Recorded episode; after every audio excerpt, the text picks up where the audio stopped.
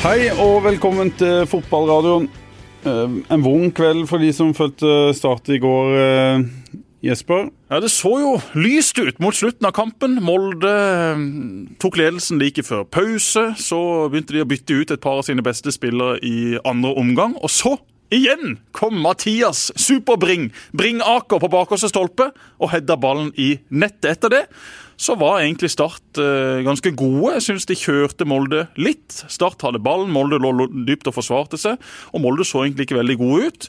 Og så ble det da rota bort helt på slutten av kampen. Et veldig unødvendig baklengsmål. og Nok et unødvendig poengtap. Hadde man fått 2-2 mot uh, Molde i går, så hadde det vært en god følelse. Det hadde skapt selvtillit. De som var på tribunen, hadde vært fornøyd. De som satt hjemme og så på kampen, hadde vært fornøyd. De hadde fått 200 neste gang òg, mot uh, Odd. på Minst, minst 200. Kanskje også et par ekstra vakter langs banen da med sånne vester.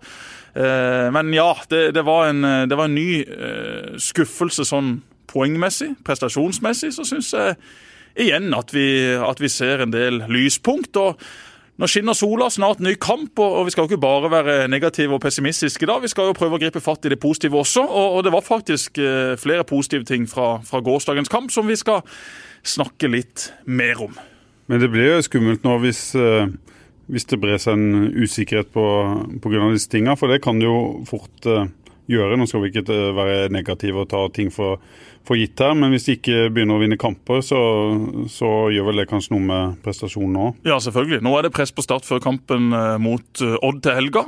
Start har for så vidt uh, vært uh, gode, eller i alle fall ganske gode, i disse tre kampene. Godset burde Start klart å slå. Det var Start gode, og Godset var absolutt ikke gode. Sandefjord det var eh, veldig enkle baklengsmål. Det var eh, først eh, en keeper som var på bærtur i feltet, og så var det heading på bakerste stolpe. Og Sandefjord var ikke veldig god i den kampen. Jeg syns Start var, var, var best også der. Og i går mot Molde. Du forventer jo at Molde skal komme ned og, og styre og gjøre som de vil. Og det gjorde jo Wolf Eikrem til tider så lenge han var på banen. Så gikk han ut. Da var OI gått ut. Leke James satt igjen i Molde. Eh, Da var Molde svekka. Da var det ikke et supert Molde-lag. Da hadde Start muligheten til å få med seg det ene poenget. Og ja, det hadde bare vært ett poeng, men det hadde føltes ut som en seier. Fordi at Molde er jo i utgangspunktet det beste laget i Norge. Derfor ble man jo frustrert og forbanna når det målet ble rota inn fem og et halvt minutt på overtid på Sparebanken Sør Arena. Enten så må Vegard Bergan få beina den ballen langt ut i sjøen. Eller så må han i alle fall sørge for at Gregersen blir skjerma bort. Og så må jo Amund Vikne bare stå på streken. Han roper keeper. Det gjør Bergan litt usikker, men der var det opp til flere, både utespillere og keeper, som kunne gjort en langt, langt bedre jobb. Og det sprer jo usikkerhet. For mange av de opplevelsene, da kan enkelte i dette startlaget bli litt skjøre. Og det syns jeg dessverre vi har sett tendenser til til nå, så jeg håper det snur fort som bare det, og at det er på plass mot eh, Torgeir Børven og Odd allerede om et par dager. Siste spørsmål før eh, vi introduserer gjesten vår. Eh, Hvem bør stå i mål mot Odd? Jeg mener jo at Jonas Doimeland er den beste keeperen Start har i sin stall. Jeg syns han var god i fjor. Han har en helt annen autoritet. Han er ikke like god med beina. Han er kanskje ikke en like moderne keeper, men når vi ser på det å være skuddstopper, det å gå ut i feltet, være sjef, det å spre trygghet, så er Doimeland lenger framme nå enn det Vikne er. Og så er det jo sånn at Doimeland eh, skal reise hjem til familien sin etter hvert, og han blir ikke i Start til evig tid. Og han har heller ikke hatt den beste oppkjøringa, han var syk i går osv., osv. Men han er keeper. Han er ikke høyrebekk, venstrekant eller spiss. At ikke han er i topp fysisk form, den forklaringa syns jeg blir litt for enkel. Doimeland er jo ikke valgt til å være Starts førstekeeper. Det er det Vikne som er. Derfor kommer de ikke til å bytte keeper inn mot helga, tror jeg. Men hadde jeg vært sjef, som jeg ikke er, så hadde jeg valgt Doimeland i mål foran Vikne. Rett og slett fordi at jeg syns Vikne har sett veldig usikker ut og, og nesten litt sånn overtent ut i de første kampene. Det han gjør på det baklengsmålet i Sandefjord, der har han ingenting ute i feltet å gjøre. Går han ut i feltet der, så må han vinne ballen. Han må få boksa vekk ballen. Og han går ut og ikke når opp i den duellen, så er målet åpent. Grorud kan bare heade den enkelt i kassa. Og litt det samme skjer jo i går. Hvis han holder seg på streken og ber Bergan om å beine bort den ballen, så er ikke det en farlig situasjon. Eller så må jo da Bergan sørge for at Gregersen blir skubba vekk når Amund Vikne roper 'keeper'! Det er det du skal som stopper. Når den beskjeden kommer, la ballen være, men sørg for at med, eller motspilleren blir dytta bort. Det skjedde ikke. Og da taper man kamper, da taper man unødvendige poeng. Skal du introdusere han Ja, det kan jeg godt gjøre. For jeg henta denne karen eh, nå nettopp ute på Brattvoll platå. Aldri vært så langt oppe på Tveit før. Jeg trodde den bakken aldri skulle stoppe. Jeg landa på Kjevik, og denne karen hadde egentlig tenkt å ta bussen. Tenk deg det. En utenlandsproff som er så jordnær at han skal ta bussen fra Brattvoll platå og ned her på torvet. Nei, Sondre, sa jeg. Det trenger du ikke. Jeg kommer og henter deg rett fra Kjevik. Stoppa der på den lokale Priksen litt lenger nede på Tveit. Kjøpte meg en eh, sånn en Yt vaniljeyoghurt. En liten juice. Det var min frokost i dag. Og så henta jeg da Mr. Sondre Tronstad. Endelig er du på plass! Ja, det er deilig å være her. Godt å se dere begge to. Har du hatt noen fine uker hjemme på Sørlandet etter at eh, den nederlandske æresdivisjonen ble stoppa pga. viruset? Ja, helt magisk. Det har jo vært fantastisk vær og uh, har kost meg veldig mye hjemme. Det går jo veldig fort disse ukene, men uh, jeg har nytt hvert sekund, så er det bare å Nå gleder jeg meg veldig til å komme i gang igjen. Så reiser jeg i morgen, så det blir bra. Da skal du ned og starte opp oppkjøringa til en ny sesong. Ja, det blir spennende. Det Det er litt, eh, litt utskiftninger i både stall og et ny trener, så det blir spennende å komme ned. og- Tysker som er på plass nå. En tysker, så det blir eh, full kjør når vi kommer tilbake. Du har jo alltid vært litt sånn tysk i spillestilen din. ja, jeg liker, jeg jeg liker å bli pusha. Ja. gode holdninger. Ja, jeg føler det. Frank har ikke tillatt det. Nei, pappa, eh, pappa har ikke hjulpet så mye, men eh, nei da. Men fikk treneren sparken i, i pausen, Eh, eller var det en ja. naturlig avgang? holdt jeg på å si? Det var liksom, han var liksom litt midlertidig trener, så det, var, Ja. det lå litt i korta. Og så jeg tror jeg det kom en ny, det kom en ny sportssjef inn, en tysker, som eh, sikkert ville ha noe, noe nytt inn. Så eh, da ble det enda en tysker. Så det blir, jeg gleder meg til å komme ned og bli pusha skikkelig. For bra. de som da ikke vet hva slags klubb du spiller i nå, så må du fortelle litt om det også. Ja, jeg jeg spiller jo i Vitesse Arnhem da, i Nederland. Eh, signerte der i januar. Så eh, ja, spilte syv kamper før eh, koronakrisen kom ut. da. Så. Spilte deg rett og slett eh, rett inn på, på laget? Ja, jeg starta første kamp, eller kom inn siste 20 min, i første kamp, og så etter det så har jeg spilt 90 i alle kampene. Så det har vært en god start. Selvfølgelig så man vil jo bare at det skal fortsette når man, eh, når man er i den formen, da, og man har en fin rytme i det. Så litt kjedelig at det ble som det ble, men sånn er det. Først og fremst var jeg glad for at jeg kom meg ned før den krisen. Og Det er jo ikke en liten eh, klubb, eh, Jesper. Det er jo mange eh, nordmenn som fikk øynene opp for Vitesse, eller Fitesse, som det Ja. kanskje heter på, på nederlandsk, når Martin Ødegaard spilte der. Men har vel vært eh, topp seks i, i Nederland de siste eh, tre åra. Ja, de, de har vært rundt fire-femteplass hvert eneste år, så de har eh, mål om å være helt der oppe. Så ble det litt eh, på Sesongen i fjor var ikke all verdens. sy- syvende-åttendeplass. Syvendeplass, ja. Ja. Så vi starta Avslutta ganske dårlig. Ja. Hadde vi ganske mange tøffe kamper igjen, så det var kanskje like greit at vi ble ferdig. Det er Godt å være tilbake i gult og svart. Ja, det syns jeg passer, den fargen der. Har du Så, Tveit, eh, Start og Vitesse. ja, så det er mye gult og svart. store. Ja, det kan du si. Det er mye gult og svart i karrieren så langt, så får vi se om Men Trives du der nede utenfor banen, da? eh, Ja, veldig godt. Eh, veldig fin by. Fin natur, og jeg er jo glad i natur, så eh, Er du blitt glad i natur? Ja, jeg har faktisk det. Jeg driver, å gå turer og driver og sykler og rundt på sånn? og Ja, ikke mye fisking, men mye sykling. oh, ja. rundt forbi. Det har blitt det i koronatida. Lite å gjøre, vet du. Så Ja. jeg har lånt en sykkel fra klubben, og så sykler jeg rundt. Full med fine plasser. Lite bakker der nede. Ja, veldig flatt. Så det er jo ganske greit. Men den der bakken opp til Brattvoll platå, for de som er lokalkjent ute på Tveit, den er lang og bratt. Den er lang og bratt, og den er ganske tung å løpe opp, skal jeg si det. Så du får ta deg en uh, tur, Jesper. Eh, du trenger det, Jeg er best nedover den bakken. Er det en av de bakkene du har kjørt intervaller i opp gjennom året? Ja, litt. Men jeg, helst i den slutten av bakken her. Der, ja, Det holder med slutten. der har løpt mye. Ja, det holder det. Så ellers har jeg jo jogga opp et par ganger. Men eh, jeg holder meg til fotballbanen heller. Åssen har du holdt det gående i koronapausen, Sondre? Det har blitt mye eh, løping på mølle og mye løping utenfor. Og så har jeg vært veldig mye på banen og Som, i, ga- som når, når du var liten, liksom? Sånn uh... Ja, det har vært veldig mye sånn tatt med ballene ned på banen og med kjegler og styr og steller med mye teknikkøvelser og retningsforandringer som jeg jobber mye med. Det er veldig viktig i min posisjon. og Prøve å bli bedre på sånne ting, og så er det viktig når man kommer tilbake at man, eh, man er godt eh, fysisk rysta til og ikke får skader og sånne ting. Så det, er, det, er det vanskelig å holde på alene, eller er det enkelt liksom nå som du har blitt proff og voksen? Nei, jeg syns det, det går veldig greit. Ja. Jeg trives med det. Jeg har vært vant til det lenge nå, så vil man bare føle jeg klarer å pusse meg sjøl alene, selv om man selvfølgelig kunne vært en trener. Eh, så stiller ikke Frank opp. Jo, jo, men han jobber jo mye nå, så det blir mye eh, Må være på egen hånd når alle andre jobber. Så. For Frank driver eh, utsalg av både alkoholfri og alkoholholdig øl. Han gjør det, vet du. Så eh, Er du liksom hans jeg kan ikke reklamere for dette. Er du hans mann i utlandet? Prøver å finne Nei, det, jeg kan dessverre ikke gjøre det, altså. Det, det skjønner du òg, men eh, ja, så det er gøy, det. Han eh, trives veldig godt med det. Han skal få lov til å styre med akkurat det han vil. Så eh, jeg er godt fornøyd med han. Jeg er stolt av han, altså. Det må jeg si. Og sesongen din i, i fjor i Haugesund også, hvor du da var en av Eliteseriens eh, beste midtbanespillere. Det var vel kanskje ditt virkelige gjennombrudd på, på, på det nivået. Du har vært solid og god før, men i fjor var du jo dominant og fikk ros fra også de som ikke kjente så godt til det fra før. Var det Ja, godt å få den sesongen? ja det selvfølgelig. ut, selvfølgelig. Men, men sesongen din i fjor i Haugesund, den må du fortelle oss litt om. Ja, altså Den tredje sesongen jeg hadde sesongen før, var jo ganske bra. Og så følte jeg at å bygge videre på det og gjøre en enda bedre sesong. Og være enda mer dom dominant, som du sier. Så, og så bytta vi jo litt formasjon, noe som hjalp meg veldig. At vi gikk til 4-3-3, og jeg fikk den dype rollen. Eh, der jeg kunne få ballen hele tida og styre det på midten alene. Så da er du mye involvert, og da får jeg brukt mine kvaliteter enda mer. Så Men skjønte du før du fikk den rollen at, at det var på en måte rollen din? Nei, jeg skjønte det jo ikke. Altså, Jeg har jo ikke spilt så mye 4-3-3 før. Var, jeg har spilt 4-3 under Mark Dempsey, men da var jeg indreløper. Så eh, Men jeg merka det tidlig i 4-3 at det her, denne rollen passer meg veldig bra. Her kan jeg utvikle meg veldig, tenkte jeg.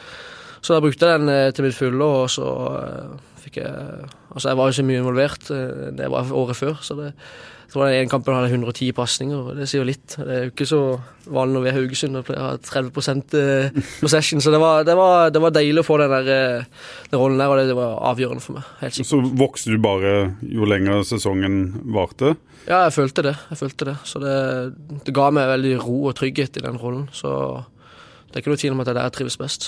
Så har vi snakka om det før. Du hadde to kamper midt i sesongen der mot et eh, nederlandsk eh, topplag, der du fikk masse skryt, særlig hjemmekampen mot eh, PSV da i Europaliga-kvalik, der, der du var banens beste i Haugesund i, i hvert fall, og gjorde en god kamp borte. Hva, tror du det bare de to oppgjørene der var medvirkende til at du, du havna i Nederland? Ja, definitivt. For da, da var det jo Vitesse på tribunen, tror jeg, og så andre klubber. Og så var det jo den mot Storm Grasot de to rundene før, eller runder før, som også var ganske bra. Så det er jo helt, jeg tror det var helt avgjørende at man gjorde det bra i, i Europa. Men da ser man at man har nivået inne, og Mm.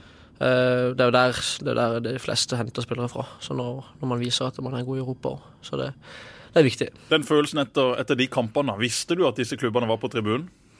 Ja, jeg hadde jo en liten anelse, men uh, du tenker jo ikke for mye på det. Du vet jo at det, det er veldig stor uh, forskjell fra interesse til, til realitet. At uh, folk legger inn bud, så det handler jo bare om å kjøpe videre. Så Når var første gangen du skjønte at dette kunne bli en realitet? det var jo sommer i fjor.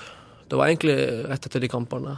Da fikk jeg vite at det var mye interesse, men så måtte jeg jo bare kjøpe videre. For det, mest sannsynlig så ble det jo ikke noe overgang i sommeren, men at det kanskje ble etter sesongen, så da måtte jeg bare eh, avslutte sesongen godt. Og ja, så endte det jo heldigvis godt til slutt. Ja, for om- det ikke ble mye tenking mens sesongen pågikk i fjor, så ble det en del tenking i, i desember Ja, til overgangen var i boks. altså, man tenker jo på det i sesonger, man, eh, så, såpass ærlig man være. Det er jo smigrende, så man eh, har jo mål om å komme seg videre. Ambisjoner. Men eh, når man er inne i bobla, og det var såpass mange kamper, også, så man rekker liksom ikke å tenke for mye på det. Du må bare liksom omstille deg og, og være klar til neste kamp. Um, men i desember, ja, da, da var det full kjør i hodet. Altså, da holdt jeg på å sprenge, for å være helt ærlig. Men uh, Hvorfor det? Nei, for det, det gikk jo så opp og ned med den overgangen og liksom snakk der, og nå nærmer det seg veldig, og nei, nå blir det ingenting, og nå nærmer det seg veldig opp og ned hele tida.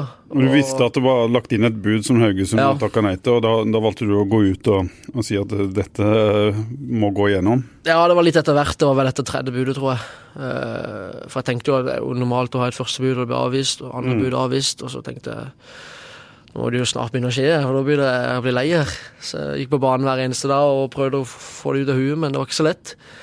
Så eh, det var mye diskusjoner oppe, mye eh, tanker oppe på Tveite og Brattvollplatået der med pappa og mamma i, i sofaen. Men eh, Og Imad, også din agent. Imad òg, ja. Så det har vært eh, Ja, på jobb, vet du. Eh, det har vært Det var ganske Hvordan det- det fungerer ikke- en agent i en sånn prosess, da? Hva slags, hva slags rolle tok han? Nei, han har jo eh, Han har selvfølgelig vil at skal, overgangen skal gå gjennom, så han er jo veldig opptatt av at det skal gå. Så han er jo veldig opptatt med å snakke med meg og begge klubber og sånne ting for, å prøve å få det gjennom, så han er jo veldig busy. Men jeg prøver jo å få vite minst mulig, egentlig. Selv om det er helt vanskelig når du er oppi det og har så lyst. Så jeg følte det var riktig klubb, og de hadde fulgt meg lenge og følte jeg meg veldig klar for det. Så så fikk jeg jo beskjed om at uh, det gikk i dass. Uh, sportssjefen i Vitesse ringte meg og sa nei, det her går ikke. Det, det blir ikke noen overgang, og da gikk jeg jo rett i kjelleren det, igjen. Så det, det var det dypeste kjeller. Da gravde jeg med et hull på Tveit.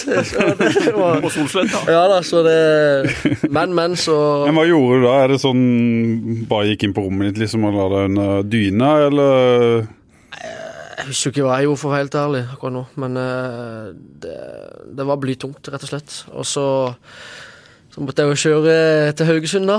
Eh, oppkjøring i Haugesund. Så det var jo ikke planen i det hele tatt, men eh, Tung den kjøreturen der. Ja, og så hadde jeg jo elbil, så jeg måtte jo stoppe etter to timer der og lade. Og jeg ringte agenten min og snakka med han. Jeg sto der i 40 minutter og lade. Jeg tror jeg ringte deg opp på den bilturen, kan ikke det stemme? Ja, det stemmer, det er helt i begynnelsen der. Og det var tungt. Det var den turen der. Og jeg hadde ikke mye lyst, men det måtte jo bare gjøres. Eh, Så ja, så da ringte agenten min på vei opp når jeg sto og lada. Og drev og diskuterte hva jeg skulle gjøre, om jeg skulle møte opp på trening i det hele tatt. For jeg var jo forbanna. Men eh, jeg er jo ganske profesjonell av meg, sånn, så det, det var ikke noe tvil, egentlig. Men det var bare sånn Begynte å skal være litt kul, da. Sant? Så være litt tøff, for en gangs skyld. Men vet jo det. jeg vet jo hvordan det blir til slutt. Det ender jo opp å komme på tida, og eh, jeg klarer jo ikke å la være. Så Men så var det eh, et par treninger i Haugesund, andre treninger eller noe? Eller ja, det var vel to-tre treninger, men så ble jeg jo, ble jeg jo syk. Jeg ble voldsomt syk. Jeg kan være det var korona, faktisk. Og det trenerteamet i Haugesund hadde jo vært en tur i Italia. Oh, ja. Nord-Italia. Og de kom hjem. Og da var jo alle syke. ja, ja. Så var jeg jo en del rundt de disse, Ja. i forhold Hele til Haugesund har egentlig hatt korona. Det kan godt være. Ser ut som de hadde fortsatt. For, eh, men jeg vet jo ikke om det er det. Ja, det ser ut som de hadde faen meg. Men eh, jeg var iallfall litt eh, Da var jeg gørrsjuk, faktisk. Og så oppi alt. Men så kommer det en eh, dag på, jeg skal inn på trening da, på morgenen, og så sitter jeg i garderoben med alle gutta, og så kommer Opedal. Sportssjefen kommer labbende ned så seint som mulig, som han alltid gjør. Jeg bare 'Sondre, kom her'. Vifta meg opp der. Hva skjer nå? Jeg tenkte jeg skulle skjelle meg ut, for det er ute i media litt sånn forskjellig. Kommer opp på eh, kontoret der, da. Så henter han Johs, og så setter vi oss ned. Tenker jeg da, Nå kommer jeg til å bli skjelt fullstendig ut her. Da har du litt puls. Bare være forberedt. Ja, puls, ja. Det skal jeg love deg. Jeg bare være forberedt på at her, eh, her kommer det til å smelle. Og så puster han eh, Ja, vi har solgt det nå. Da tenkte jeg jo at det var en helt annen klubb, Fordi det var jo helt død liksom med Vitesse. Tenkte jeg det var Solgt til start. jeg solgt meg til Russland et eller annet. Jeg håper ikke det, liksom. Sibir. Ja, ja, Sibir. Nei, så jeg, hvor da? For jeg bare Hæ? Hva skjer nå? Er du helt død. Det er der du ville. Så da klarte jeg jo ikke å la være å smile, for de var jo helt sånn Virka litt sure. da. Ikke sure, men de var helt alvorlige. Mens jeg måtte bare Jeg bare satt der og smilte. Men Var det sånn 'gratulerer, og dette har du fortjent', Ja, eller det var var det litt uh, Nei, det var- stem- stemning? Nei, det var, det var eh, gratulerer og fra Johs og begge to. Men eh, altså, det, det har jo vært eh, Det har vært små diskusjoner, det har det. Mm. Men sånn er det er vanlig, tror jeg, i fotballen og i overgang, og folk som vil eh, Folk vil ha penger for deg, du vil ut. Så er det, så er det vanlig at det blir litt uh, styr. Men de fikk jo godt, uh, godt betalt. Ja, det gjorde de. Det, de skal være fornøyd med det, tror jeg. Så det, det går godt det er rett før koronatida. Du fikk godt betalt, da. Ja, Det trenger vi ikke snakke om. Ja, men du er fornøyd? Har du ikke skrevet under hvis ikke. Nei, uh, Jeg jeg lever. Har ny T-skjorte. Må ikke bruke for mye penger på klær. Nei, jeg blir eh, Jeg, holder, jeg er ikke, så- heldigvis ikke så, så som deg, Jesper, som må stikke meg så mye fram og eh, som har de dyreste tingene eh, på TV, og så går man utenfor går man i Umbro i grønn og hvit Umbro-genser. og- Geir Nordland har levert. Geir Nordland har levert. Helt topp. ja. Nei, men jeg er veldig fornøyd med at at det ble en omgang, i hvert fall. Så, Ja. så Så bra. Men jeg mistenker jo at ikke du trives veldig godt i sånne settinger, nei. For du er jo egentlig bare en, en grei og lojal gutt som ikke vil komme i sånne krangler. Folk men- du egentlig er veldig glad i og setter pris på. Selvfølgelig jeg var veldig glad i det, og jeg er fortsatt veldig glad i det. Jeg tror de er glad i meg og innerst inne. Men uh... jeg syns det, var litt spennende òg, nå etterkant. Det var litt, litt gøy å være litt, litt sånn. Litt i vinden da. Jeg, som du sier, jeg har alltid vært snill og grei og gjør de rette tingene, så jeg syns det er litt gøy også å prøve også å fyre litt, og så, så Ja, du var jo i Haugesund på, på besøk her for ikke eh, Ja. mange dagene siden, og da var det jo god stemning. Ja visst, det var god stemning. Det var utrolig gøy å se gutta igjen. Og jeg har vært med mange av de tre-fire år, så det, det var spesielt, selvfølgelig. Å se kampen fra tribunen og ikke være der sjøl. Men eh, ja, så det, var, det virka som det var, det var god stemning, og at eh, Opedal og Johs de var fortsatt glad i meg. Ja, ja. Johs kom og kødda, selvfølgelig. Det var det eneste. Han sa ikke hei, det var bare rett på med jokes. Med, Ja, det var det. Det var, det, sånn han er. ja, det er godt. Det er godt. Men eh, Sondre, den, eh, de stegene du har tatt i Haugesund er ganske sånn oppsiktsvekkende. Det er jo jeg tror er tre år siden jeg var på La Manga. Du hadde kommet tilbake fra Huddersfield. Sleit med å spille inn på Haugesund. Hadde vel ikke veldig mye spilletid det, det første året du var der. Og da snakka jeg både med startfolk og jervfolk på La Manga. Som til og med Jerv hadde blitt tilbudt uh, Sondre Tronstad, ifølge noe Jerv uh, Jerv-mennesker. Og det var ikke. Ja. De òg takka nei. Nei, men det var ikke Men da fikk jeg høre nei, det var ikke snakk om. Han, eh, han, er, ikke, han er ikke god nok. Og så er du der du er i, i Hvem var det som sa det? Nei, jeg skal ikke name Det sier vi når du sier lønna di. Det, det, det snakker vi ikke om her. Nei, jeg skal ikke name Hvis du sier noen. lønna di Det er bare å lese skattelista. Ingen som skjønner det. Nei, det er sant. Det er det som er så greit. Nei, jeg vet, jeg vet jo ikke hvor nærme det var, eller om det var diskusjon om uh, Haugesund om å, le- å leie deg ut, men du var i hvert fall på et helt annet sted enn der du kom bare noen år uh, etterpå. Eh, Hvordan var den perioden fra du kom hjem til du plutselig knakk noen koder igjen? Ja, altså, når jeg kom hjem, så, så begynte jeg jo veldig godt, egentlig, i Haugesund. Jeg synes jeg hadde Spilte jo indreløper i Mark Dems i 4-3-3. Så det begynte jo godt. Jeg spilte jo første halvdel av sesongen spilte jeg jo nesten alt. Og så dro jo Mark, da. Mm. Så kom han eh, Loberto inn. Eh, merkelig skrue, men eh, da ble det mm, ble det litt mindre spilletid og ble satt på benken og sånne ting. Og så kom jo, dro jo han, og så kom Honeland inn på slutten. Eh, og da fikk jeg beskjed av han og og Josse de at jeg kunne De var litt usikre på meg, og jeg var for god til å sitte på benken, men de kunne ikke love meg å starte. Så da kunne jeg dra på lån hvis jeg ville. Og da, jeg husker jeg, som du sier, jeg snakka jo med Sandefjord og Sandnes Ulf og Ja, eh, Viking var jeg ganske Snakka ganske mye med, faktisk. Så Aldri Start. Nei, det var det ikke. Det var det ikke, Men så, men så ringte jeg Hornland da på kvelden. der. Jeg var ganske nedfor når jeg fikk beskjed om det. her, For jeg var på tur i Liverpool med Frankie og familien, eh, brødrene mine og sånn. Så ringte agenten min, og daværende agent, en engelsk, engelsk fyr. Så ringte meg og, på turen hjem da, sa, at, eh, sa det her da, at jeg kunne gå på lån. eller Det var litt usikre og, på meg, da.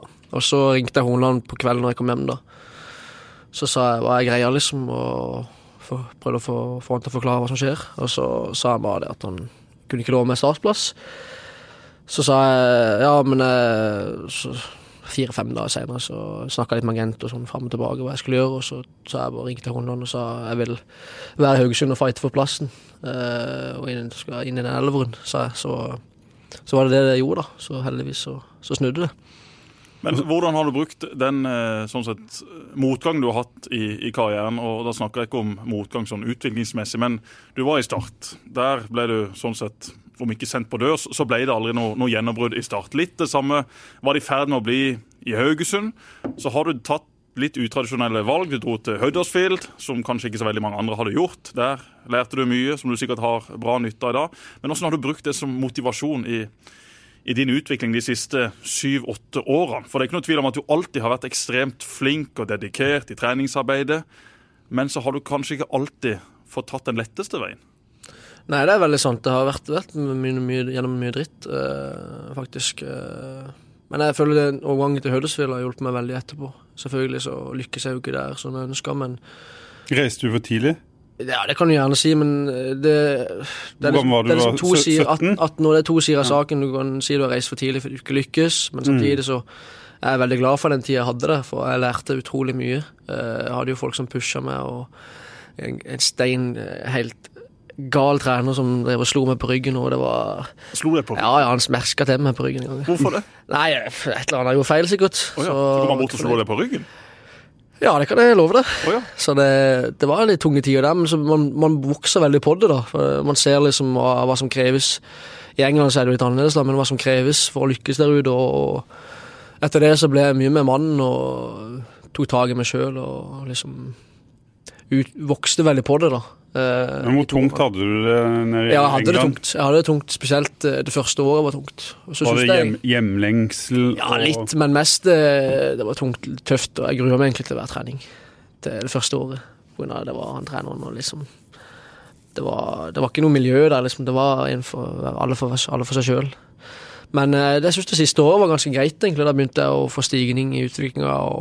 Jeg var fortsatt ikke god nok til å spille på A-laget, men da var jeg liksom nærma meg litt. Da var jeg på benken og sånn, og så følte jeg at liksom det ble en stigning. Og og så ble det jo slutt på slutten der, da, men det, det var like greit. Så kom jeg hjem til Haugesund og fikk et trygg plass og komme til Men det første året der, da, når du gruer deg til hver eneste trening, som du sier Du har jo aldri hatt det sånn før. i Nei. din karriere. Du har jo alltid vært en som Ja, ja. skal komme på trening. ja men Hvordan måtte du jobbe deg gjennom det? det- Satt du mye alene? Hadde du noen Ja. til å hjelpe deg? jeg satt ganske mye alene, jeg gjorde det. Det skal jeg innrømme, men jeg hadde jo en god kompis, iallfall. Så, men i laget. eh, Ja. Og han men, spiller i Premier League i dag, eller? Nei, det er ikke han. Det Nei. er en annen som, eh, som jeg har hatt litt kontakt med etterpå. Men ja, må, du må liksom bare komme deg gjennom dagene. Eh, Du må være tøff nok i hodet. og jeg, Som jeg sa, det ble bare sterkere og sterkere på det. Og så når jeg kom til Haugesund, så, så var jeg sterkere mentalt. Og da når jeg fikk en liten dupp og litt eh, dårlige tider der, så takla jeg det mye bedre enn jeg hadde gjort tidligere. Så, jeg, så det har hjulpet meg veldig. Og så, så visste jeg jo til, til sist at jeg, jeg vet at jeg har hva jeg har inne. Jeg vet at jeg har mye å by på. Jeg vet at det kommer til å komme. Det kommer til å komme. Jeg må være tålmodig og jobbe hardt og ha fokus på det jeg skal gjøre, og ikke la noe eh, ødelegge for meg. rett og slett. Forholdet ditt til Start i dag, da, hvordan er det? Jeg har jo ikke så tett forhold akkurat, men jeg, jeg følger jo med, liksom, og eh, håper jeg skal lykkes. Og så håper jeg jo en gang jeg kan, kan spille for det igjen. Men du følte den gangen at du fortjente å å spille mye mer enn du, du gjorde? Ja, altså Når man er inne oppe der, der og da, så føler man jo man, man får jo fra folk sier eh, fra alle kanter at du fortjener mer spilletid, men det er ofte jeg, jeg skjønner det veldig godt at ikke det ble med, med da. For det, Mm. jeg var ung, eh, jeg var vel 17 år, så det, det er forståelig. Men samtidig så skulle jeg ønske at jeg får litt, litt flere sjanser. Du var lagka- lagkamerat med han eh, Jesper. Jeg tror faktisk det var du som pusha han ut med deg den kvelden han ble, ble klar for Huddersfield, eller bestemte seg for fortelle om det etter en seriekamp i, i Molde. Stemmer det. Kom du ut på hotellet og sa Jesper sa jeg måtte snakke med deg. Mm. Oh, ja. Nei, Jeg vet ikke om dere så på rom. nei, jeg vet ikke. Jeg tror faktisk vi gjorde det. Det stemmer det, jo. Oh, ja, okay. Jeg husker det. ja. Det var dråpen. Ja. Det, det var Da måtte du bort. da, da måtte, altså Når jeg skal bo med Jesper, det er det siste Det, det, det, det var toppen av kaka, altså. Ja, eh, For å være helt ærlig, så, så fortjente jo Sondre mer spilletid enn det han faktisk fikk. Og så er det jo samtidig ganske vanskelig også for en hovedtrener som da blir målt fra søndag til søndag, og skulle gi en ung gutt sjansen. Noen trenere er flinke til det, andre trenere er ikke like flinke til det. Klubben måtte jo vært mer tydelig og sagt at Sondre er en vi skal ha opp og fram. Han har vi tro på. Ikke kanskje bare pga. det vi ser han har kvaliteter i dag, men for oss som har kjent og sett Sondre trene opp gjennom sin karriere, så er det ikke så veldig mange som har vært like dedikerte og flinke som han og Frank. Og de har stått opp tidlig, de har gått og trent, de har stått etter trening, de har kommet før trening. Du var en av de som kom først og gikk sist. Eh, Ayer er jo kanskje det, det, det råeste eksempelet. Sondre hadde jo også dette i seg. Det å være så ærgjerrig. Og det var fotballspiller du ville bli. Og det må jo en klubb også kunne se på. Kan ikke kun se på hvor man er akkurat her i dag på denne datoen. Man må se hvordan har han kommet seg hit, hvordan vil det sannsynligvis bli i fortsettelsen. Et par av de andre i ditt kull, f.eks. Henrik Dalum, og det tror jeg Henrik er er enig i sjøl også, hadde jo også masse talent, men hadde jo ikke den samme driven, det samme eh, engasjementet i sitt treningsarbeid eller eh, holdninger, eller hva det måtte være. Henrik hadde jo en, eh, og har jo en fantastisk høyre fot, stor spilleforståelse, men når du så på forskjellen Henrik og Sondre i treningsarbeidet, hvordan de forberedte seg, hvordan de trente Henrik Du er en god gutt. Jeg snakker deg absolutt ikke ned. Jeg har, Jeg har jeg har stor sagt- respekt for det. han har sagt det sjøl ja, selv også. Men, men bare for å bruke ett eksempel. da. Mm. Jeg prøver bare å få fram at, at Sondre var såpass seriøs at dette måtte jo bli bra på et eller annet tidspunkt. Men han var jo også Han er jo ikke først og fremst et eh, Du er helt sikkert et treningsprodukt, det er ikke det jeg sier, men du var jo en ener allerede som eh, 12-13-åring. Jeg vet ikke hvor gammel eh, du var første gang du, du hadde et oppslag i, i Men da var han også et treningsprodukt. Ja, Det var jo fordi at du hadde trent Ja, ekstremt mye absolutt. i veldig ung alder. Det er jo ikke sånn at Sondre eh, ble, ble født med Nei. to meter eh, stor, sterk muskelkropp eller hadde noen eventyrlige gener fra, fra Frank og mor. Nei. Du har jo vært flink til å trene fra du var sikkert fire, fem, seks år gammel. Og hele veien fram. det, det er du helt rett i. Det Jeg var jo med pappa tidlig ute og trente. Så det, det har egentlig vært, som du sier, fra jeg var fem-seks år til, til egentlig helt til nå, så har jeg vært veldig opptatt av å Jeg var jo ikke, ikke da når jeg var så ung, da visste jeg jo ikke så mye, men uh, i hvert fall de siste syv-åtte årene pusha meg sjøl veldig hardt og liksom forventa mer av meg sjøl hver eneste dag. Så du må liksom tenke sånn, og du må holde på sånn skal du lykkes. Så jeg har hele tida liksom tenkt, selv om det har vært veldig tungt og liksom sett liksom tenkt, tenkt at karrieren er over, så, så har jeg egentlig visst at jeg, jeg kommer til å lykkes til slutt. Må bare kjøre på videre. Også. Når var det du reiste fra start? I 2000 og, 2014? eller 13? Hadde vi slått Molde i Molde? 2000 Høsten, høsten 2013? Ja, det ja. kan stemme. Jeg tror det ble 2-1 ja, etter målgivende fra, 2014 i fra Jonas Werner til Espen Børresen. Kan det stemme? Nei. Det Var ikke den kampen? Var det den? Werner, ja. Ja. Ja, i 2014? Da, Ja. da var ikke jeg med til mål. 2014, for jeg var to år der, og så kom jeg til Haugesund i Ja, ja, 2016. samme det. Stemmer det? Samme det var. Jeg går litt Ja sur i kamper. Jeg har ikke så god hukommelse. Men Sondre, du ble jo eh, kalt den nye Fredrik Strømstad. Du ble kalt den nye Erik Mykland eh, når du var yngre. Fikk noen sånne stempler på deg veldig tidlig. Hvordan, hvordan var det å liksom kjenne på de der forventningene, eller, eller kjente du ikke på de? Nei, altså det blir jo litt forventninger, men jeg synes det først og fremst var gøy å bli sammenlignet med sånne spillere. Eh, så føler jeg jo selv at jeg er litt, litt annen type nå, da, Uh, i forhold til det. For vi trodde kanskje han skulle bli en sånn liten, liten tekniker. Også litt teknisk, da. Ja, ja. Nei, den, den har du i bunnen, liksom, men du er jo blitt mer Jeg vet ikke om jeg skal kalle det bikkje, men Ja. øh, en, en stabil defensiv midtbanespiller.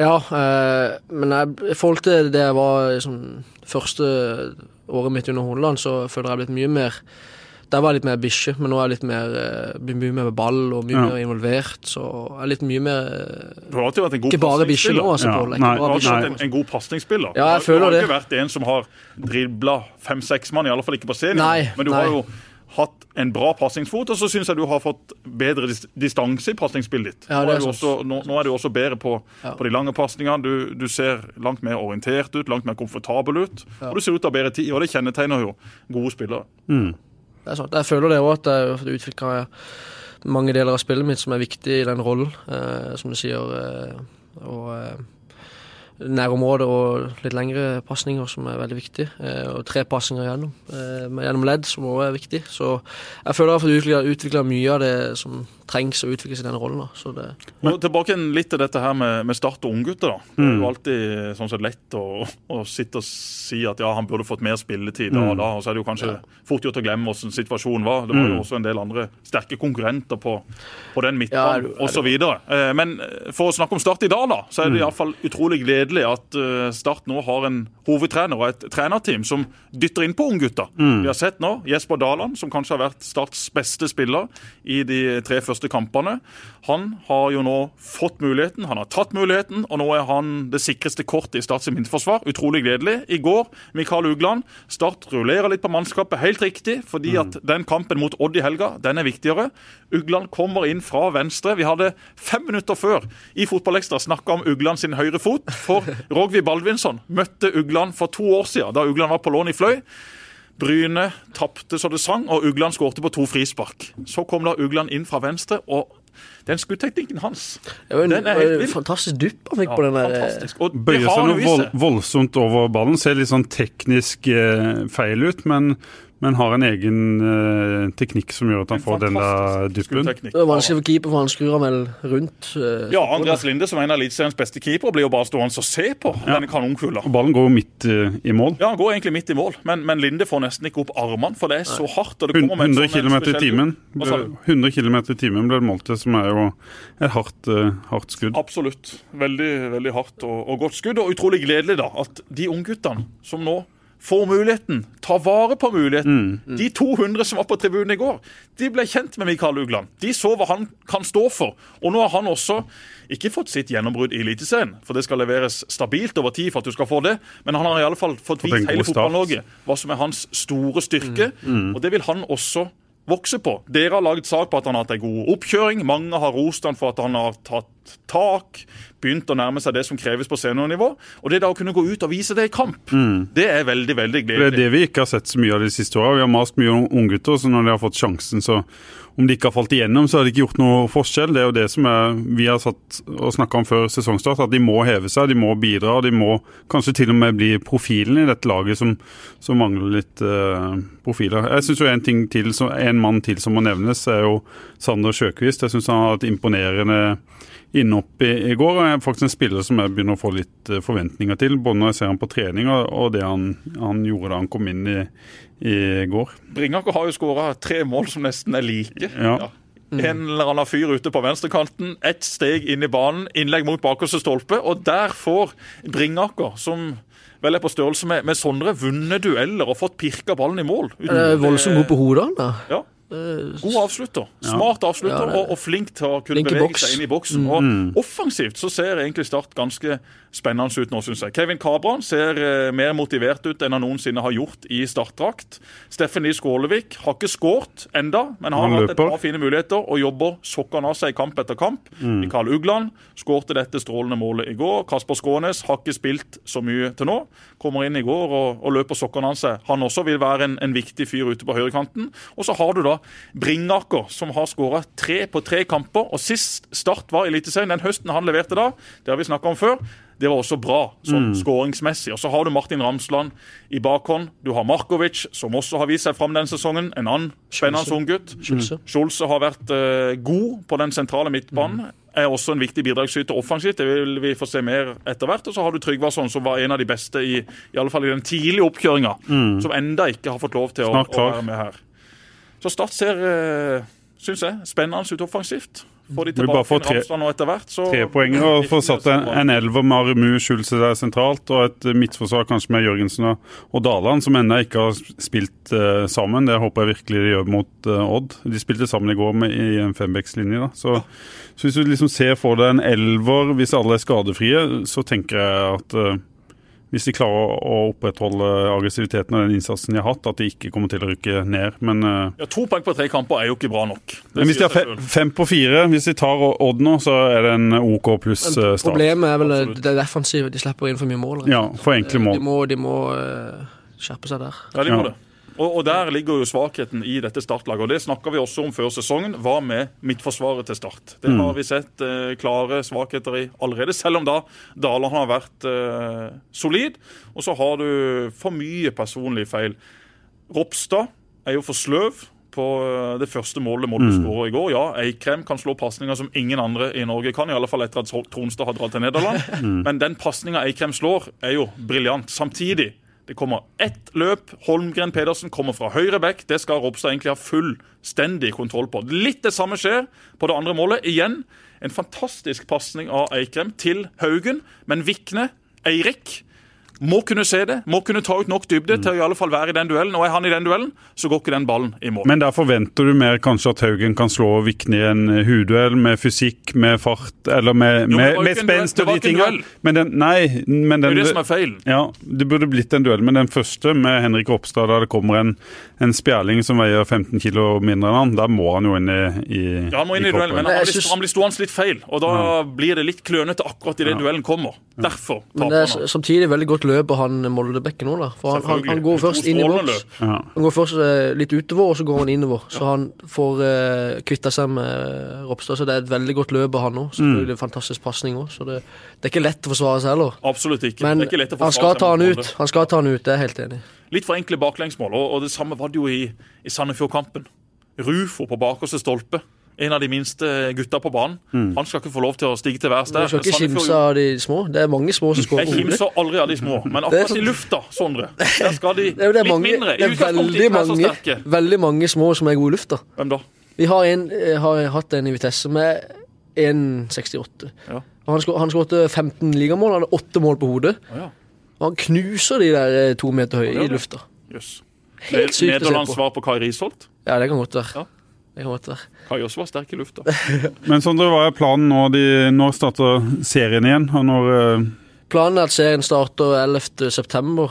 Det fikk, melding i, fikk noen meldinger i går om at uh, fra 1. september skal man ha fans på tribunen. Men de kan ikke synge.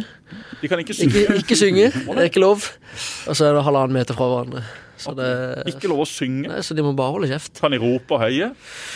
Nei, sikkert ikke. Nei, Det er jo mange er supportere som ikke burde ha lov til å synge. For det er ikke alle som er like Ja, det... Men det det- skaper iallfall en viss stemning. Så det å ha noen folk på tribunen er jo veldig positivt. Hvis jeg har lov til å klappe, så hjelper det litt. Klapp i vei. Så Det det blir en lang sesongoppkjøring, da? ja, nå er jeg vant til det, så for min del så går det greit. Men for de andre så er det sikkert litt nytt. Mm. det blir vel en, i hvert fall to måneder, to og en halv måned nesten, med oppkjøring. Så det, Og dere må være i Nederland, selvfølgelig. Det blir ikke treningsleirer og sånn som kanskje hadde vært at, eh, eh, naturlig? Jeg tviler på at det blir noen tur nå. Det blir kanskje, hvis det blir en tur, så blir det sikkert i Nederland en plass. eh, At man reiser litt vekk. Men, men det får bli som det blir den, akkurat denne oppkjøringa her.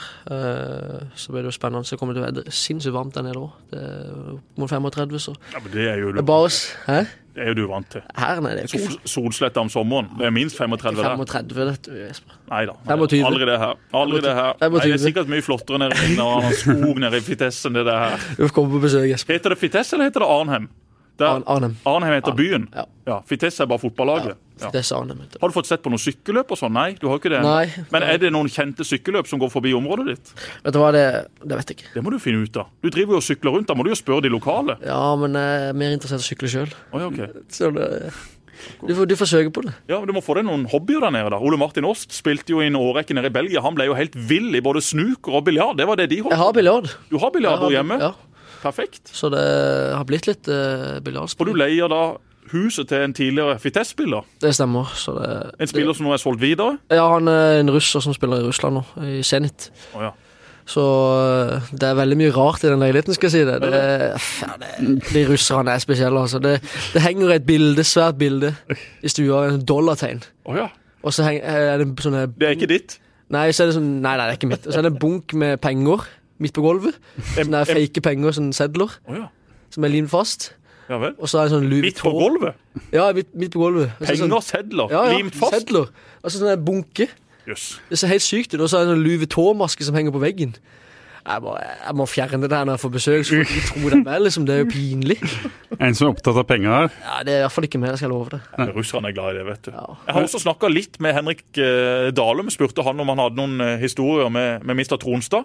Og den ene historien som kanskje da er grunnen til at du forsvant fra start, er at du en gang dreiv og etterligna Robert Hauge.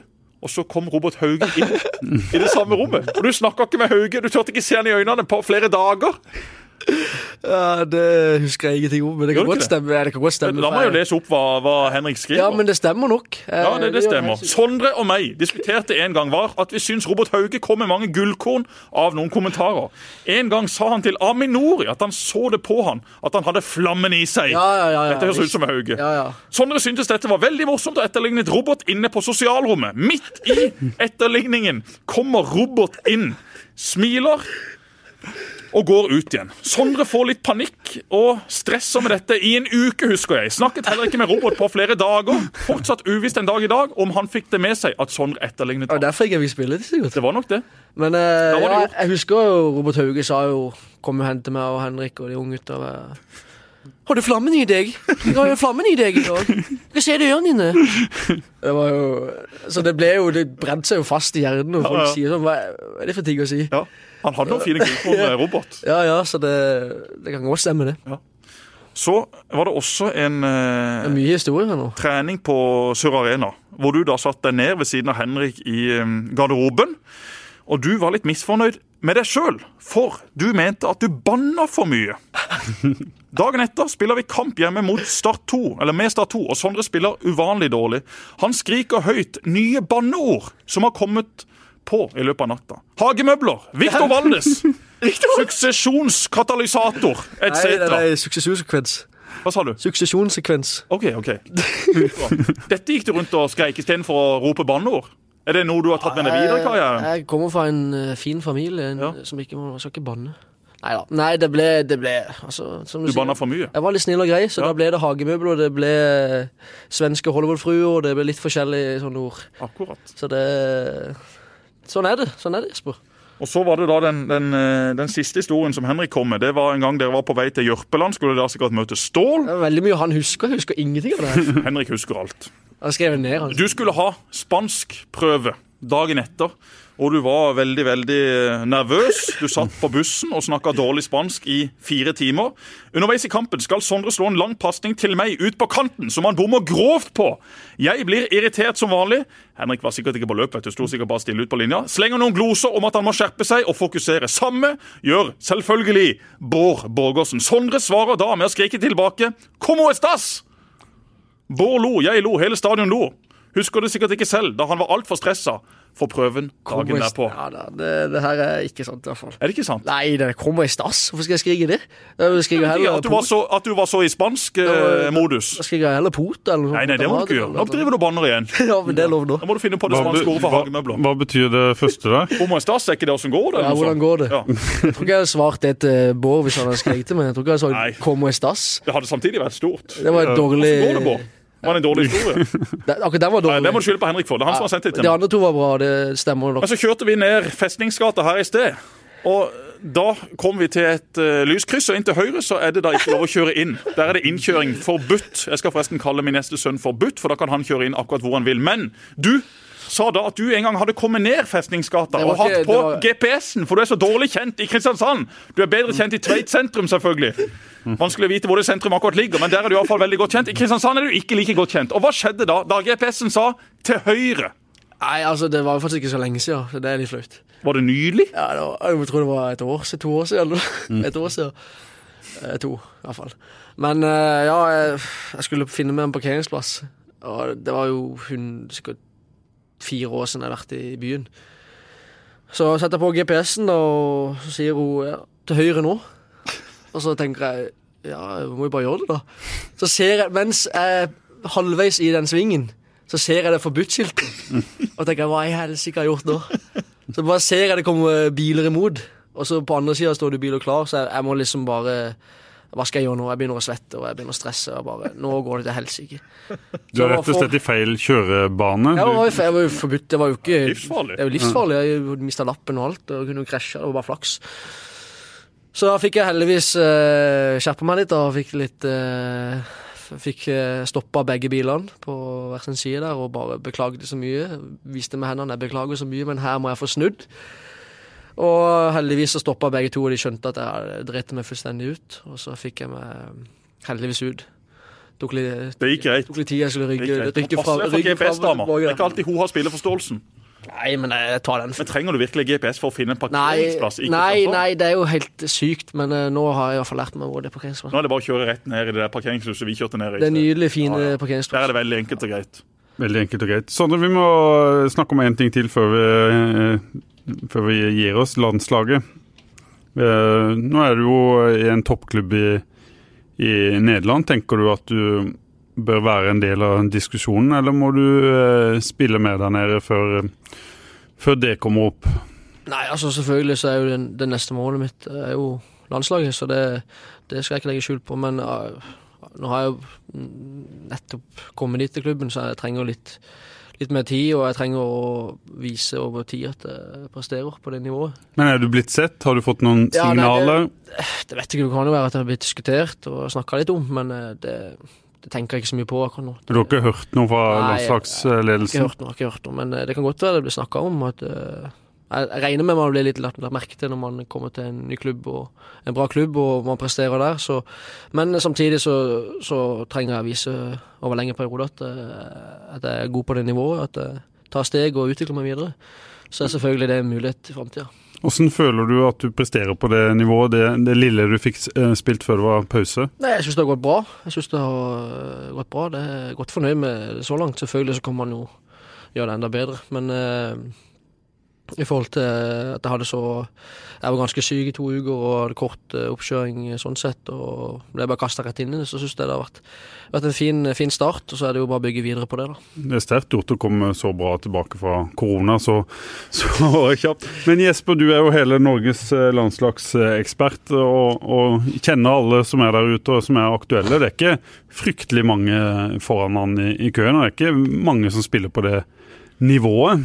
Nei, det er ikke det. Eh, og eh, det kan kanskje sammenlignes litt med Mathias Nordmann, som nå har eh, spilt seg inn i landslagstroppen. Som var i England, Brighton. Fikk ikke det til der. Så kom han seg til Rostov i den russiske toppdivisjonen, som er en veldig god liga.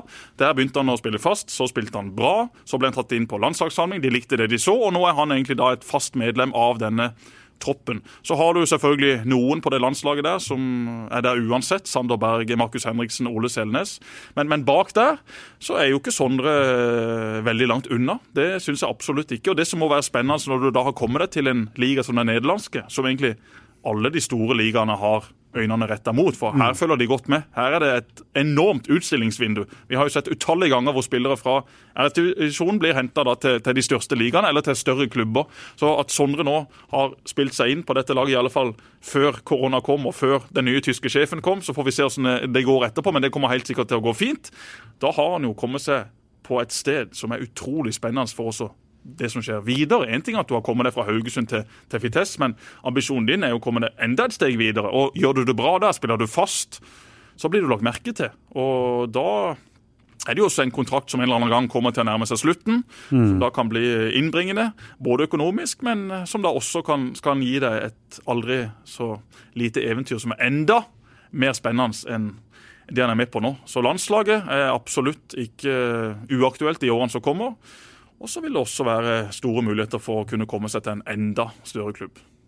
Ja, Det er jo det som er målet. og litt derfor jeg valgte Nederland og Vitesse. At det, det, er veldig mange som følger, følger den ligaen. Så jeg tenkte veldig nøye gjennom på, på, valget mitt. Og jeg syns det passer meg utmerka å komme dit og få utvikle meg videre der. Jeg føler ikke det er sånn ekstremt stort steg fra, fra Norge heller. Det, det, er bedre liga og alt det der, men du, du, du kommer fort inn i det hvis du, hvis du har nivået inne. Så så eh, Det var derfor det, det, ble, det ble, Nederland, for det, det finnes mm. springbrett til å komme seg videre. Så Morten, Morten Thorsby også, som mm. uh, spilte seg inn uh, til fast plass i Nederland. Gjorde det bra der i et par år, og spiller nå i Sampdoria i, i Serie A. En sånn type overgang vil jeg jo se på som ganske realistisk i, i årene som kommer, hvis du da beholder plassen på laget.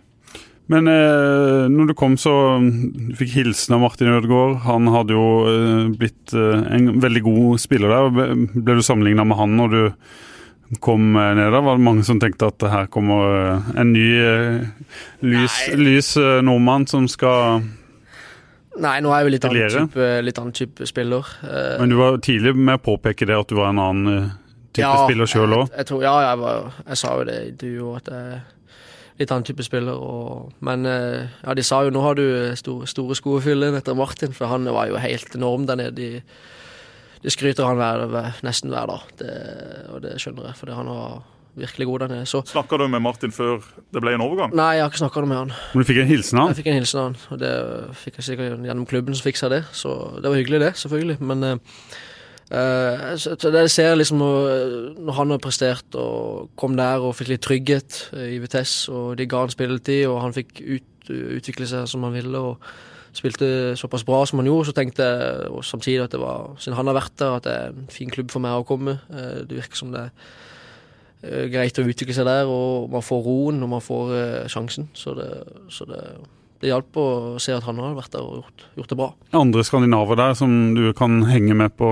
Ja, det, ja, nå har jeg jo fått en fra Norge, Filip Delavaris. Han ja. kom jo rett etter meg, da, så, så jeg har hengt en del med han. Og så blir det Max Clark fra England, han, mm. som har vært linka til Liverpool, faktisk. Oh, ja. Så det er såpass, og det er reelt. Ja. Så eh, det er jo Du er jo stor Liverpool-fan. Hæ? Du er jo stor Liverpool-fan. Ja. Du har god dag nå. Koser meg Nå nå. blir det snart gull. Det er gull i kveld, vet du, når City tar mot Chelsea. City taper ikke mot Chelsea. da. Ja, det det? det. På en kjip måte å vinne gull på. Kjip måte. Null folk på tribunen, null folk i sentrum, og så får du det fordi City taper mot Chelsea. Vinner med 25 poeng, ikke så galt det. Er det jo altfor mye? Hvor mange poeng får United? Det er 80 poeng for, eller? 100. 100? 100 tror jeg. Men er det, ikke, er det ikke litt sånn kjip måte å vinne ligaen på? Helt Det kjip måte å innligge på. Det den beste måten. Altså, har du sett eh, hvordan de holder på i år, eller? Det har ikke noe å si om det er koronatid eller noen ting. Det er måten de holder på i. Liverpool har vært eh, verdens beste lag denne sesongen. Ja. Nå er de ute av Champions League, men allikevel de har vært verdens beste lag. Ja. Men, men du skjønner vel hva jeg mener? Ja, jeg skjønner hva jeg mener. Du får ikke Det- den der euforien, avgjøre to-tre altså, det- runder før slutt, Anfield koker, Liverpool koker. Ja, det er sant. Det hadde jo vært litt annerledes hvis det hadde vært fullstappa eller stappa stadion og det kunne feire skik skikkelig etterpå, men jeg tror de engelskmennene de er så gale at de kommer til å møtes ut, ut på De er parken, ut på Stanley Park der De er så gale, de er så dumme hvis de Ja, de er møtes ute nå. dumme, for det er, jo, det er jo det som er problemet her nå, at de skal samle sikkert mange folk. De må feire på Skype. Sett opp et. Teams-møte. Hiv inn et par hundre tusen med Liverpool-fans og feir i vei. Lykke til med det. De er altfor glad i Kan, Skal Liverpool heller vinne sesongen også neste år. ja, Så kan de feire. Men de, sånn, de gjør nok det. Sondre, du og familien er jo eh, ja, veldig Liverpool-fans. I huga. I huga Liverpool-fans. Og så trakk du en gang i tida på den uh, annen rød trøye. Åssen var det? Du kan Ja. fortelle hva som skjedde i, i forkant. Hvor gammel var du? 14-15? Jeg var vel 14, og så hadde jeg vært på uh, Solskjær Akademi i eh, Kristiansund, var det? Ja. Så da var jo Solskjær trener for oss, tror jeg det var. ja. Og så gjorde jeg det veldig bra der. Skårte faktisk to mål på en, i én kamp, Jesper. Det skal du ikke tro. Det ikke Et skudd i krysset fra 20 meter Oi, og oi, en heading. En heading også, så det der ser du. Der ser du. Så, eh, og en assist òg, i en kamp. Så da, da fikk jeg sjansen. eh, Var det Solskjær som sendte noen meldinger nedover, tror du? Ja, eh, ja, det var det nok. Og så hadde John Vik ble jo veldig godt kjent med der i Kristiansund. Han speideren der. Og han hadde veldig godt forhold til, til Solskjær. Så det var nok gjennom det. Og så var det med Mats Dæhlie og Herman Stengel som dro ned. Og så skulle jeg ta på meg denne drakta. da, Det var jo blytungt. Det var det. det var det, altså. Jeg fikk beskjed av brødrene mine. Det, Det skjelte meg ut, begge to. og jeg vurderte jo Jeg hadde- jo lyst til å ha en Leopold under. Så det var så vittig når vi kom der, så sto vi i en sirkel, og alle skulle liksom drive og fortalte hvem alle heier på. Alle bare United, United, United, United. Og så er det én Barcelona, én Real Madrid. Og så hopper de over meg. Sånn helt uten videre. Tenkte jeg, er, er det, Visste de det, eller? Så hopper de over meg, så går de videre. Så jeg slapp, å si, slapp å si det, men jeg, jeg hadde Ja, men de brødrene dine Hvis Ja, det- du hadde fått lov til å være det er i. Manchester og, og trent der, så hadde de også dratt på seg United-drakt. Tror du ikke det? Det, det, det er tøft. Jeg tror det har vært enda Det er tøft å vanskelig for de. si på avstand. Det har vært enda vanskeligere for de å dra på seg. Det var jækla vanskelig for meg, men det. De to der er enda verre enn meg. Er de det? Ja, da, Enda mer i huet, du skulle sett kampen i går da vi holdt på. Oh, ja. Pappa oppe på bordet der Nei. og skriker og jubler. Ja, ja, visst. Ja, hadde han drukket før kampen? Nei, nei, nei. nei, nei. Hadde ikke med seg noe nei, nei. fra jobb? Han er alltid oppe på hver gang Leopold scorer, så er oppe på bordet. På bordet? Oppe på bordet, eh, bare eh, uten sokker. Det vi, vi Alltid barbeint? ja, ja. Svetter han sånn at Opp med hendene i været. Ja, så uh... Frank på bordet? Hva, helt- gjør han, hva gjør han når Liverpool nå avgjør eh, Premier League? Hva gjør han i kveld? Hvis det blir Jeg tror det blir et par øl fra butikken i hvert fall. Ja. Det kan jeg love deg. Han heier litt på Dortmund òg, gjør han ikke det? Jeg synes at, eh, nei. Nei, det er ikke det far til Alexander Jones? Far til Ja, det er det. Ja. Han er jo Han er skikkelig, Dortmund-fan, han. skikkelig Dortmund-fan, ja. Det er Og, jeg og Hibs-fan. Hibernian. Hibernian, ja. Stemmer det. Men uh, var det det eneste treningsoppholdet du hadde før du reiste til? Nei, Jeg var i Liverpool òg, faktisk. Det var det jeg Eh, trodde. Det var når jeg var ett år senere. Det var en bedre følelse? Ja, men det var samtidig ikke så gøy, for jeg kom dit, og så var det sånn Ja, han er for liten til å spille med de som er, til, de som er på samme alder, så jeg flytta ned på de som er ett år yngre. Så trente jeg med de, og så var det bare Ja, det var bare noe styr. Så jeg var ikke så Ja, på grunn, av, på grunn av størrelsen din? rett? Ja, ja, faktisk. De sa det med en gang. Ja, for tynn. Han er for liten og tynn. Ja. Så det var liksom så spesielt og litt kjedelig, for jeg hadde jo store forventninger. Jeg kom dit, liksom. Fra, fra Det var drømmen. Away-klubben min og liksom sånn, så, så jeg trives her faktisk bedre i United, faktisk. Det må jeg faktisk si. Var det noen der eh, som ble store, som du har Nei, det, det, husker med, jeg ikke. det husker jeg ikke, faktisk. Det er litt vanskelig å huske på nå. Men uh, det kan jo være at jeg spilte med noen. Uh, Rashford er vel like gammel, han ikke det? Tror jeg. Han er kanskje det. Så, så det kan være han. Mm. kan være. Men jeg er ikke Yes. sikker. Rashford han er yngre enn det. Jeg tror han er Hvor gammel er du? 95. 24. Rashford var yngre enn det. Det må vi sjekke. Nå skal jeg gå inn på Sjekk det med en Wikipedia. gang. Jeg trodde du kunne sånn. Espen. Markus Nei, nei, nei, nei, jeg har ikke kontroll på alt det der, altså. Jeg har ikke det. Nei, altså, det, var, det, var, det, var, det satt langt inne å ta på den drakta, men, eh, men det måtte jo bare Det var jo litt spesielt. Markus Rashford, 97. 31. oktober 1997. Så hadde han vært i Liverpool, sånn, Sondre, så hadde du kanskje trent med han. Siden du trente med de som var Ja, litt det, ja, det stemmer. Det kan godt være det var to år jeg yngre. også. trente jo med noen på 2000-tallet. Ja, det kan godt være. Jeg vet ikke hvem jeg trente med. Det var bare helt Men det kan godt være han trente med oss, da. Det kan godt være. To år eldre. Men nå må du i alle fall ha masse lykke til med oppkjøringa. Tusen takk. Hils Frank og brødrene Brothers. Lykke til med feiringa av Liverpool-gullet. Det blir gøy. Jeg Så gleder vi oss til å få deg på besøk eh, om et års tid. Så skal vi til Arnhem, Arne- hjemme igjen da? Det blir vel skal vi til Arnhem og besøke deg og Sondre når du herjer på midtbanen der. Det Ja. blir bra. det er hjertelig velkommen. Så. Bruker du hjelm når du sykler? Nei, vet du hva, det, du trenger ikke hjelm der nede. Nei. Sier du det til huet ditt hvis det ligger og splæsjer ut bare. Nei, jeg har Du ikke må bruke hjelm. Jeg vet, jeg er helt enig med deg. Folk driver og forsikrer er hus og enig med deg. biler og scooter og sykler, men hjelm det skal vi ikke enig. bruke. Jeg er helt enig Du må bruke hjelm. Jeg er helt enig med deg. Jeg skal begynne å bruke hjelm. Ja. Det Det har, det har du råd til nå. Ja, det har jeg. Da sier vi sånn, bruk hjelm og Og ha det bra. Det er jeg tenkt.